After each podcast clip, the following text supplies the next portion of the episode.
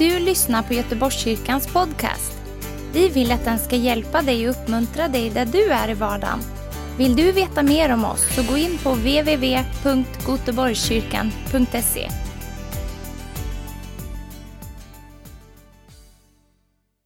Fantastiskt härlig lovsång. Tack lovsångsteamet för att bara leda oss inför Guds ansikte. Det är så härligt att bara få bekänna de här sakerna, att han har vunnit frälsning åt oss, eller hur?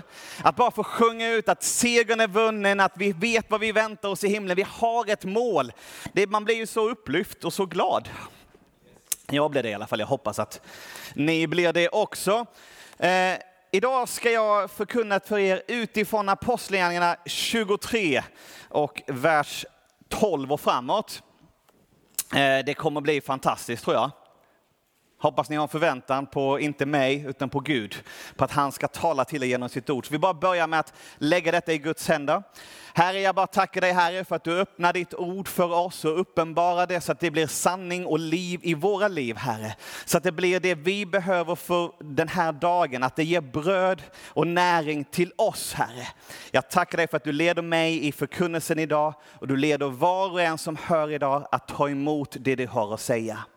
I Jesu namn. Amen. Amen, amen. Förra veckan så hörde vi Frank predika för oss utifrån början på Apostlagärningarna 23. När Paulus står inför Stora rådet. Och de eh, anklagar honom och de är på honom och de vill fängsla honom och de vill göra många dumma saker mot honom. Men han blir då, kommer istället inför romarna. Och eh, Frank predikade om att Gud har en plan för Paulus. Inte en plan som var till Damaskus sa han då, utan en plan som var till Rom, eller hur? Och att Gud har en plan för oss. Och vi ska fortsätta läsa här och se om den här planen som Gud har för Paulus, vad händer med den egentligen? Så jag tycker att vi går med in i texten här och så börjar vi direkt i Apostlagärningarna kapitel 23 och vers 12. Och det är många bibelversar, så lyssna och ta emot. När det blev dag gjorde judarna upp en hemlig plan och svor en ed på att varken äta eller dricka förrän de hade dödat Paulus. Det var mer än 40 män som hade sammansvurit sig. Och de gick till översteprästerna och de äldste och sa, vi har svurit en ed att inte smaka något förrän vi har dödat Paulus. Därför skall ni nu tillsammans med Stora rådet anhålla hos befälhavaren att han skickar ner honom till er.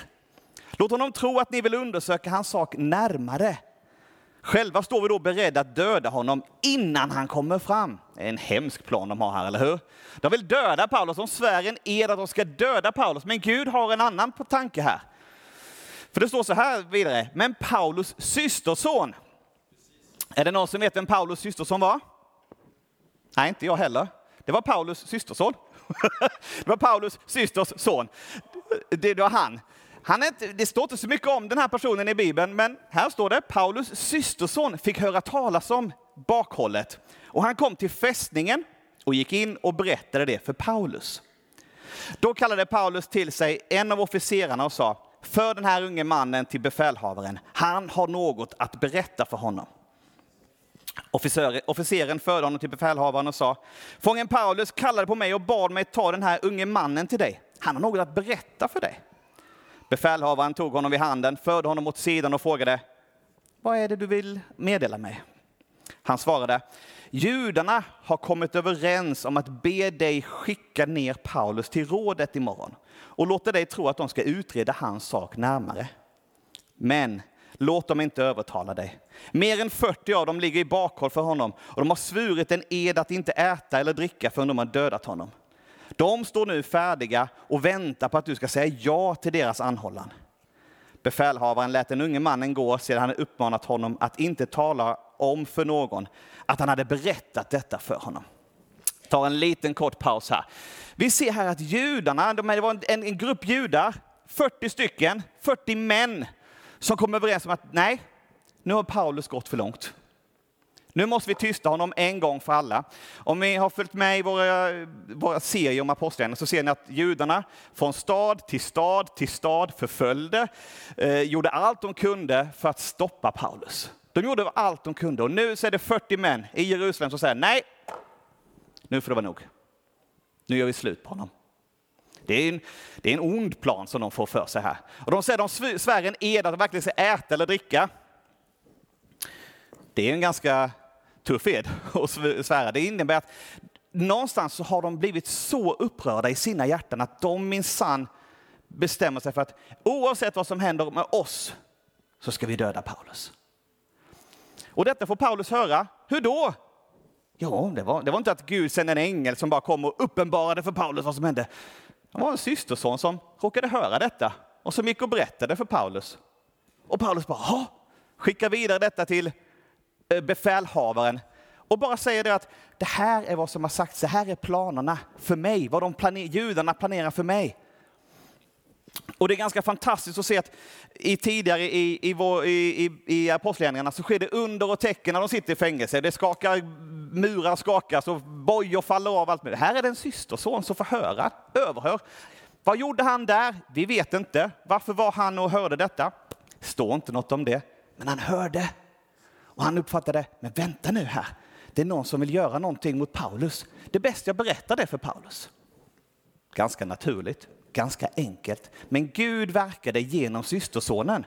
Gud verkade där och då genom den här personen att dela detta. Och Gud hade en plan med Paulus. Det vet vi. Gud hade en plan med Paulus. Det här var ju att stoppa den planen. Men Guds vägar är så mycket större än våra vägar och hans tankar är så mycket högre, så han hade en väg ut ur detta också. Vi läser vidare då ifrån vers 23. Därefter kallade befälhavaren till sig två av sina officerare, eller centurioner, alltså befälhavare över hundra personer, och befallde dem Håll 200 soldater beredda att ikväll vid niotiden gå till Caesarea. Dessutom 70 ryttare och 200 spjutbärare. Är det någon som är duktig på matte här? Som vet hur mycket det blir?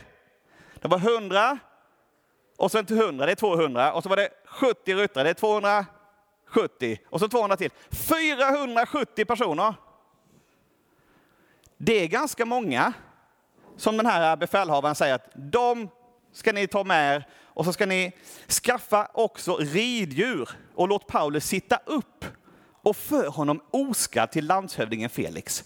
Wow, han får ju som en värsta militärkortegen här. Han blir liksom helt omringad. Det finns ingen möjlighet att någon skulle kunna göra någonting mot Paulus där och då. Han är helt skyddad. Och han skrev ett brev med följande innehåll. Claudius Lysias hälsar den högt ärade landshövdingen Felix. Nu är det sådana här väldigt högtravande ord här, för det är ett officiellt brev. Den här mannen hade gripits av judarna och de skulle just ta livet av honom när jag kom med min trupp och befriade honom. Riktigt så gick det inte till om ni var med. Eh, sedan jag tagit reda på att han var romersk medborgare, var, han, han, han förfinar lite grann orden här för att eh, låta lite bättre. Men okej. Okay.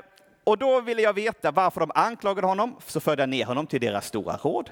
Jag fann då att anklagelsen mot honom gällde tvistefrågor i deras lag och att han inte anklagades för något som förtjänade dödsstraff eller fängelse. Men sedan jag blivit underrättad om en sammansvärjning mot honom skickade honom genast till dig och jag har också anmodat hans anklagare att föra sin talan mot honom inför dig.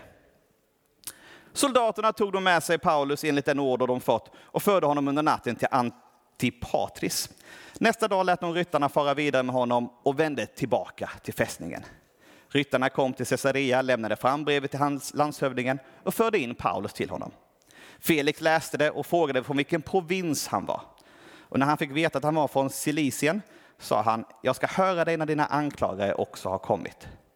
Sedan befallde han Paulus att Paulus skulle stå under bevakning i Herodes palats. Okej, okay. många ord. Befälhavaren här, han får höra att nu är det någon som är ute efter Paulus. Och Paulus var romersk medborgare. Paulus var inte bara vem som helst, han var en medborgare. Och det var faktiskt den här befälhavarens skyldighet att beskydda honom. Det ingick i hans uppdrag att se till att inget orätt inträffade mot honom.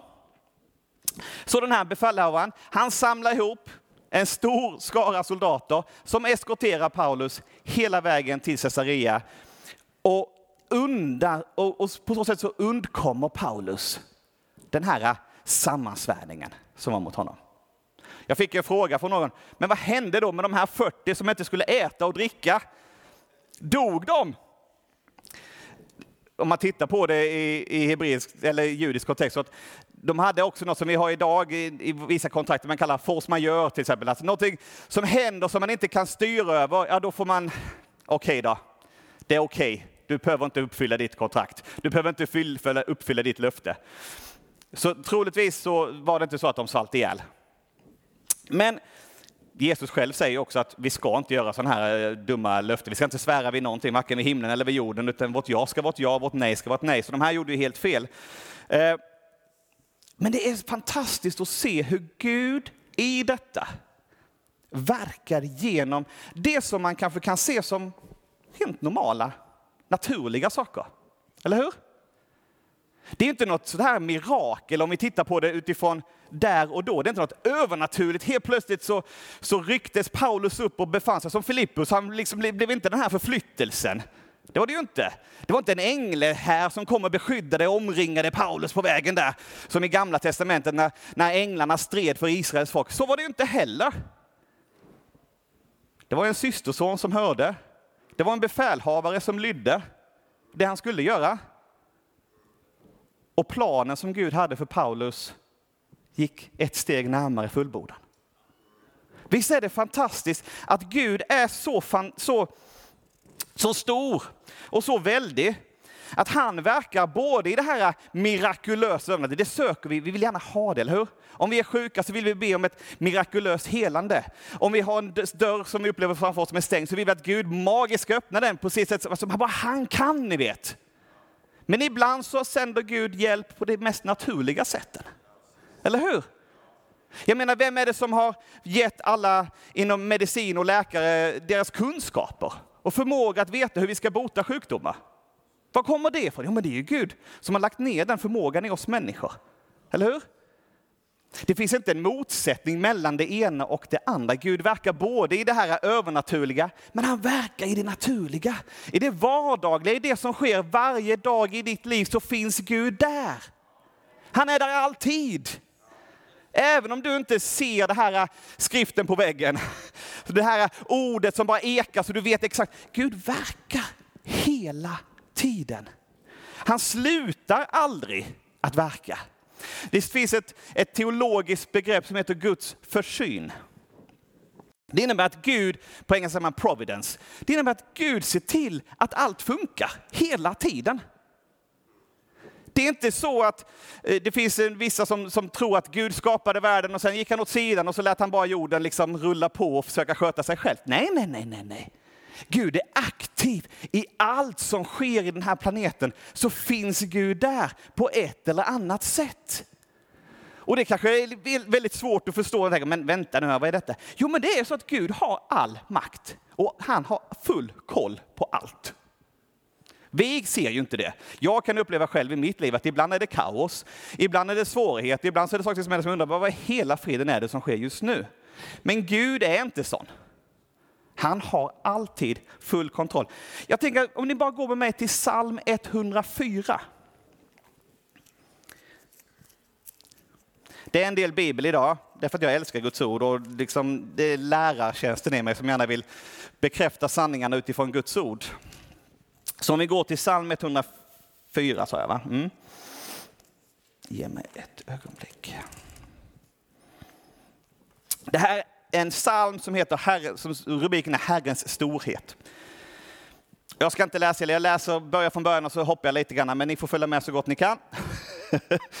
Lova Herren min själ, Herre min Gud, du är hög och stor, i majestät och härlighet är du klädd. En fantastisk början på liksom en bekännelse inför Gud.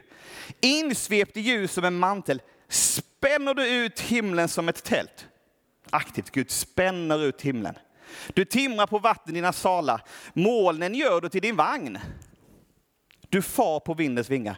Du gör vindar till dina sändebud, eldslågor till dina tjänare. Sen står det då, du grundade jorden på dess fästen. Gud är skaparen som har skapat allt, så att den ej vacklar med evig tid. Och så berättar det då liksom om skapelsen i vers 10. Du lät källor flyta fram i dalarna. Mellan bergen tog de sin väg. De vattnar alla markens djur. Vildåsarna släcker där sin törst. Så står det att du vattnar bergen, står lite grann, du, vers 14, du låter gräs skjuta upp. Vänta nu här, du låter gräs, är inte det naturligt? Alltså det fick jag ju lära mig när jag gick i skolan, biologi här, att det är frön som hamnar i marken och sen så kommer det upp och så växer det upp. Nej, det står inte det. Det står du. Om Gud, du låter gräs skjuta upp. Vad är det? Jo, men det är Gud är aktiv där. Han ser till att det kommer gräs. Hur gör han det? Jag vet inte, jag är inte Gud. Jag kan inte förklara hur Gud upprätthåller allt som vi ser. Varenda molekyl, allting som finns runt om oss i hela skapelsen upprätthåller Gud just nu. Allt! Hur gör han det? Jag vet inte. Jag är förbluffad, jag är förundrad när jag tänker på det. Det blir liksom helt, det, det, liksom, ja, det slår lock i hjärnan nästan. Man, man kan inte fatta det liksom. Att han gör det. Det står han, du, du sänder mörker och det blir natt. Du mättar. Alltså det, den här är en sån fantastisk bild av vad Gud gör. Sen står det så här. Ska vi ha den här versen som är vers 28. Du ger dem och de samlar in. Du öppnar din hand och de mättas av goda gåvor. Du döljer ditt ansikte och de blir förskräckta. Du tar bort deras ande och då dör och vänder åter till stoft. Du sänder din ande och då skapas de och du förnyar jordens ansikte. Alltså det här visar ju på en aktiv Gud. Inte en Gud som är passiv och som liksom står och tittar på och som tänker, ja men nu får jag nog gripa in och göra någonting här. Han är aktiv hela tiden. I varenda situation, i varenda stund så är Gud där.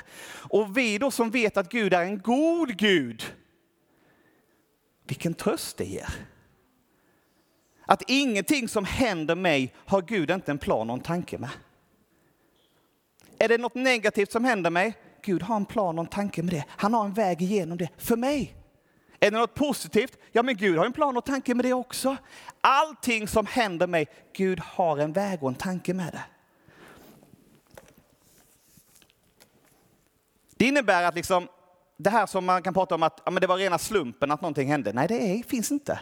I Guds ord så finns det inte något som kallas slump eller tur eller öde. På det sättet. Det finns inte. I Ordspråksboken 16 så säger, står det så här, lotten kastas i knän men avgörandet kommer alltid från Herren. Hur många tycker om att spela spel i någon av, jag är sån här, tycker om att spela brädspel. Många sådana. sådana.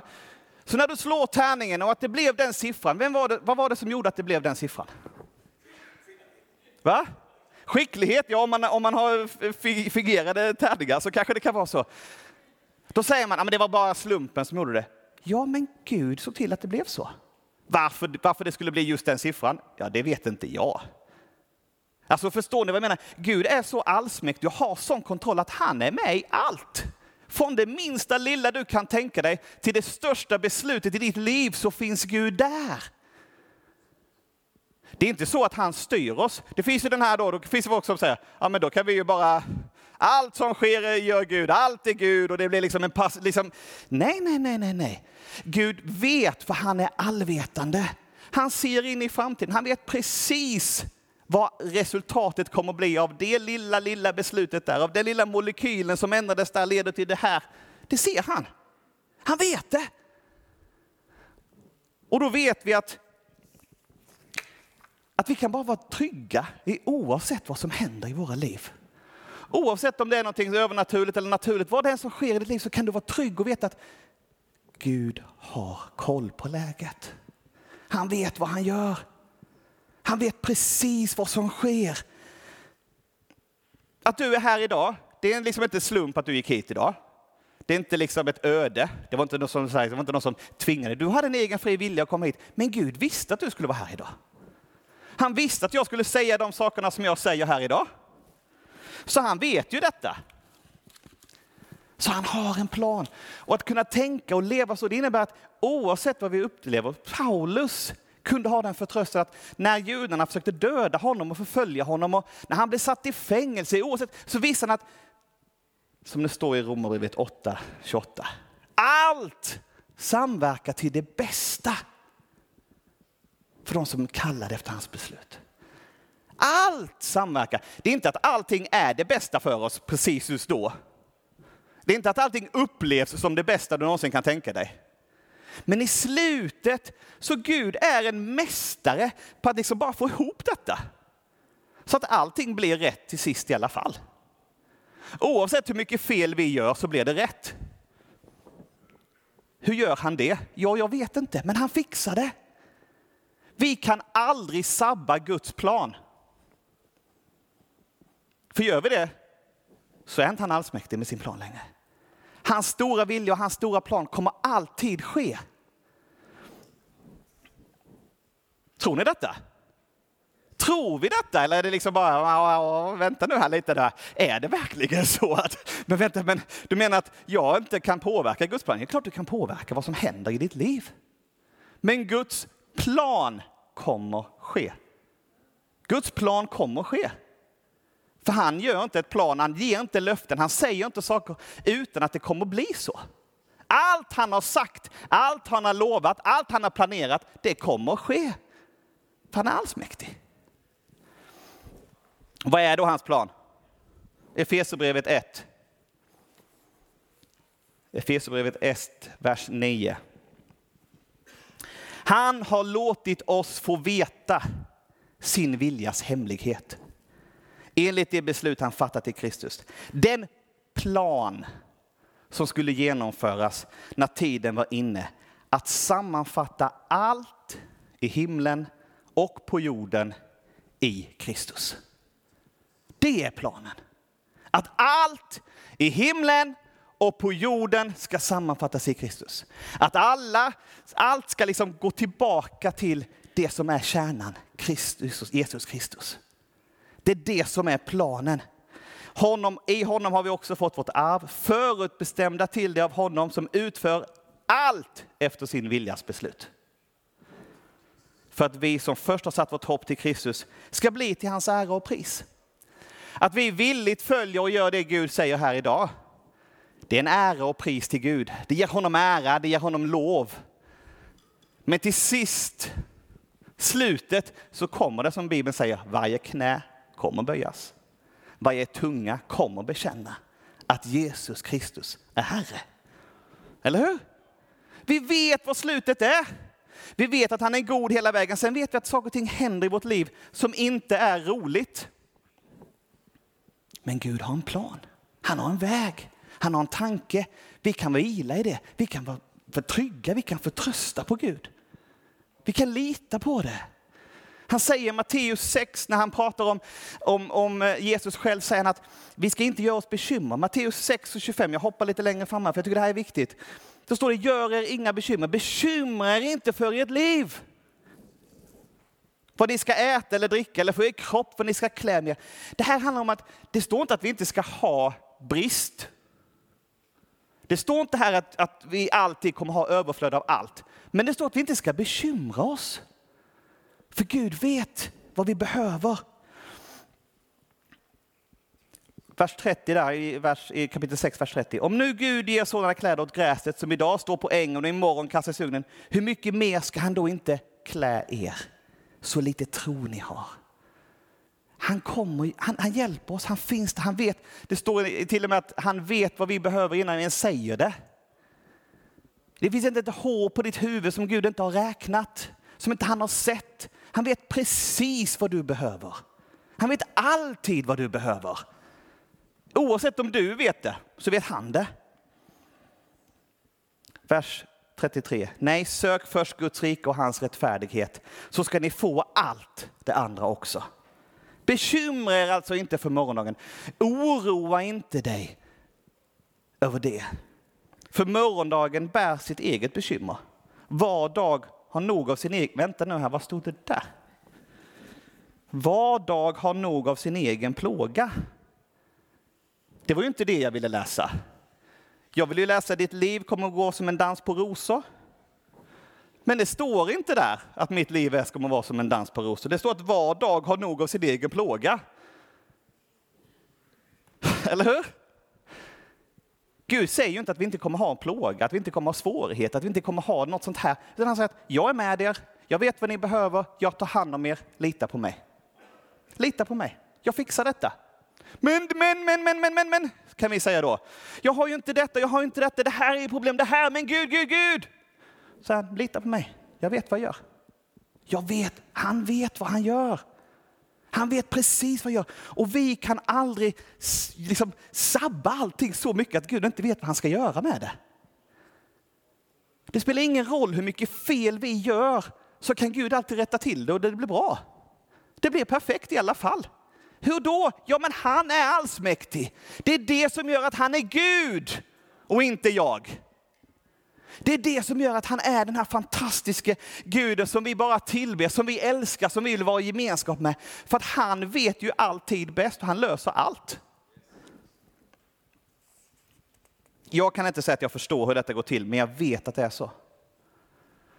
Och det händer inte alltid genom mirakel. Jag vill återigen komma och knyta an till det. Det händer inte alltid genom att Gud gör någonting sån här padonk och så bara är alla bekymmer borta eller någonting händer. Det kan vara så enkelt som att en systerson hör någonting. Eller hur? Det kan vara det som är vägen framåt för dig. Att någon hör någonting, eller att någon gör någonting, att någon hälsar på dig. Någon gör no de här små sakerna, de vardagliga, de små sakerna. Gud är ju med i det. Och han vill använda det för att hans plan ska gå i uppfyllelse. Han vill verka i det. Och när vi gör felaktigheter, ibland så, det står i Guds ord att ingen ska säga att det är Gud som frestar oss eller Gud som lockar oss att göra ont. För det är det inte. Gud har lagt en fri vilja i oss. Och vi kan göra det som är ont. Men Gud är ju så fantastisk. I första Mosebok med Josef. Vad gjorde bröderna mot honom? Var det gott? Nej, det var inte alls gott. Var det vad Gud ville att bröderna skulle göra ursprungligen? Nej, jag tror inte att Gud ville att de skulle vara dumma. Men Gud visste att de kommer vara det. Gud visste att det finns en ondska i människans hjärta. Gud vet att vi gör fel. Gud vet detta, att vi kommer gå snett. Och de, de fångar sin bror, slänger ner honom i den här brunnen, säljer honom till slav och tror att han är borta och död och ute från deras liv för alltid. Och sen då i första Mosebok 50, vers 18, eller vers 19. Men Josef sa till dem, var inte rädda, skulle jag ta Guds plats. Ni menade ont mot mig. Men Gud har menat något gott genom det. För att bevara många människor vid liv. Såg Josef det när han var i, i brunnen tror ni? Nej. Tror du Josef kände att Gud älskar mig? Så jätte, han kände värme och en gemenskap och att livet var en dans på rosor? Nej, var dag hade sin plåga för Josef. Absolut, han hade många plågor. Men när han tittar tillbaka på det så kan han säga att det ni menar är för ont, det har Gud gjort någonting gott av. Allt det här onda som hände mig, det blev någonting gott av det. Och vi har ju det högsta beviset på dessa, är ju Kristus Jesus själv. Var det gott att Jesus blev spikad på ett kors? Var det en godhet som spikade i, alltså spikade i, hans, i hans händer? Var det godhet som sårade hans sida? Nej, det var det ju inte. Romarna och det judiska folket, de var inte goda där. De gjorde någonting som var ont. De straffade en, en, en rättfärdig människa. De dödade en oskyldig. Men det tar Gud och gör till det bästa som har hänt för alltid. Fatta det! Att det här som är så fruktansvärt, det tar Gud och säger, nu har vi ett ljus. Så när du har svårigheter, när du har lidande, när vi har svårigheter, så Gud kan ta det och göra någonting fantastiskt av det. Han kan göra något underbart av det. Gör det ont? Ja. Tar han bort lidande? Nej. Tar han bort plågor? Nej. Men han använder det för sin plan. För hans plan är så mycket större, hans vägar är så mycket högre, hans tankar är så mycket större. Paulus säger själv, jag vet att mitt lidande här väger lätt mot den härlighet som kommer. Mitt lidande väger lätt. Det kan, det kan jag kanske säga. För jag har inte suttit i fängelse, jag har inte blivit stenad, jag har inte blivit gisslad, jag har inte blivit förföljd av mina egna. Paulus blev allt det, men hans lidande vägde ändå lätt, tyckte han. Hans tankar är lite annorlunda. Han har blivit förvandlad där. Som vi läser i Filipperbrevet 1 och vers 12, då skriver Paulus själv om detta. Då skriver han så här. Jag vill att ni ska veta, bröder, att det som har hänt mig snarare har lett till framgång för evangeliet. Det har nu blivit klart för hela pretoriet och alla andra att det är för Kristi skull jag sitter fängslad. Och min fångenskap har gjort de flesta av bröderna så övertygade i Herren att de vågar predika Guds ord ännu mer oförskräckt. En del drivs visserligen av avund och rivalitet, alltså vissa har lite dåliga motiv här. Eh, visserligen av avund och rivalitet, men en del predikar Kristus med goda avsikter. De gör det av kärlek, för de vet att jag är satt till att försvara evangeliet. De andra predikar Kristus av rivalitet med orena metod och tror att de kan göra min fångenskap tyngre. Vadå då, än sen? Kristus blir i alla fall predikad. För syns skull eller uppriktigt, det gläder jag mig över.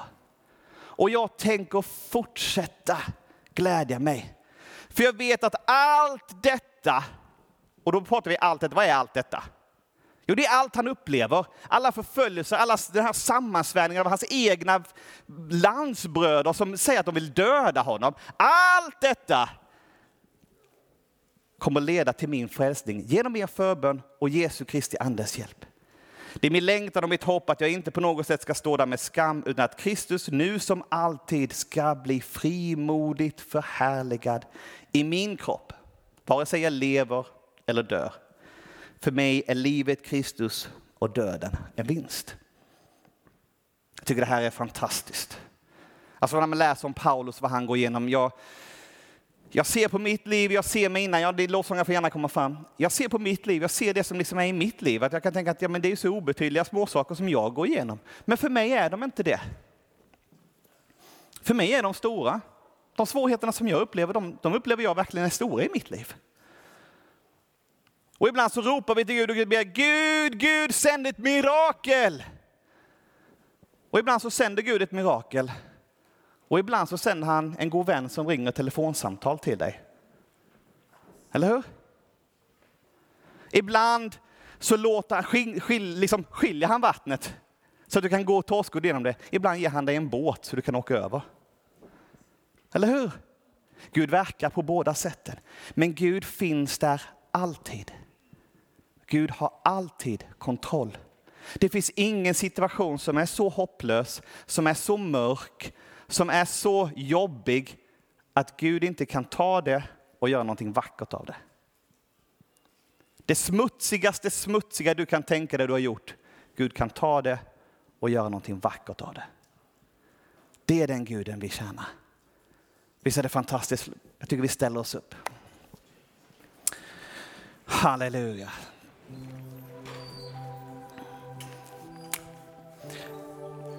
Vi ska alldeles strax bara ta en stund i, i lovsång och komma inför Gud. Men jag tror att det vi kan behöva ibland bara få komma till Gud och, och liksom bara säga Gud, jag litar på dig. Jag tycker det här är jättejobbigt, jag har svåra situationer. Det kan vara allt möjligt. Jag vet inte vad ni går igenom, jag har ingen aning. Jag vet bara vad jag själv går igenom. Och ibland så är det mörkt, ibland så är det tufft, ibland så är det jobbigt. Men jag vill bara att du ska veta att Gud är med dig. Gud är med dig. Det finns en väg igenom som han har planerat redan. Han har redan sett det. Han vet redan svaret på dina problem. Han behöver liksom inte komma på någonting för att fixa situationen. Han säger, sitter inte där och kliar sitt huvud och undrar hur ska jag lösa detta nu för, för min, min syster eller min bror? Hur ska jag lösa detta här? Han tänker inte så. Och därför så kan vi vila och kasta alla våra bekymmer på honom. Så just nu när vi tar och bara lovsjung här så bara ber jag att du bara öppnar ditt hjärta, bara kom inför Gud och ta den här stunden som är här i eftermötet att kasta dina bekymmer på Jesus. Bekänn med din mun att du litar på honom även om det, inte är, även om det är svårt. Och känner du att du vill ha förbön, Känner du att du vill att någon kommer och hjälper dig för du tycker det är jobbigt, så antingen så tror jag att du kan komma fram till sidan här. Känner du att du inte vill gå ifrån, lyft din hand och vi som är församling runt omkring, vi lägger händerna på och vi ber för dig. Att du ska känna Guds närvaro, att han är där i mörkret. Även om jag vandrar genom dödsskuggans dal så fruktar jag inget ont, står det i psalm 23. För du är med mig. Din käpp och stav tröstar mig.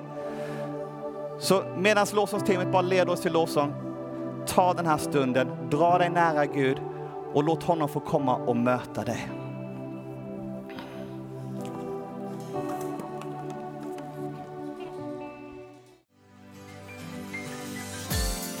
Tack för att du har lyssnat. Dela gärna podden med dina vänner och glöm inte prenumerera. Om du har frågor eller vill att vi ska be för något så mejla oss på info på söndagar har vi veckans höjdpunkt. Då firar vi gudstjänst tillsammans och det vore så kul att träffa dig där. Men vi har även samlingar för barn då? Gå in på vår hemsida goteborgskyrkan.se så får du veta mer. Välkommen till oss!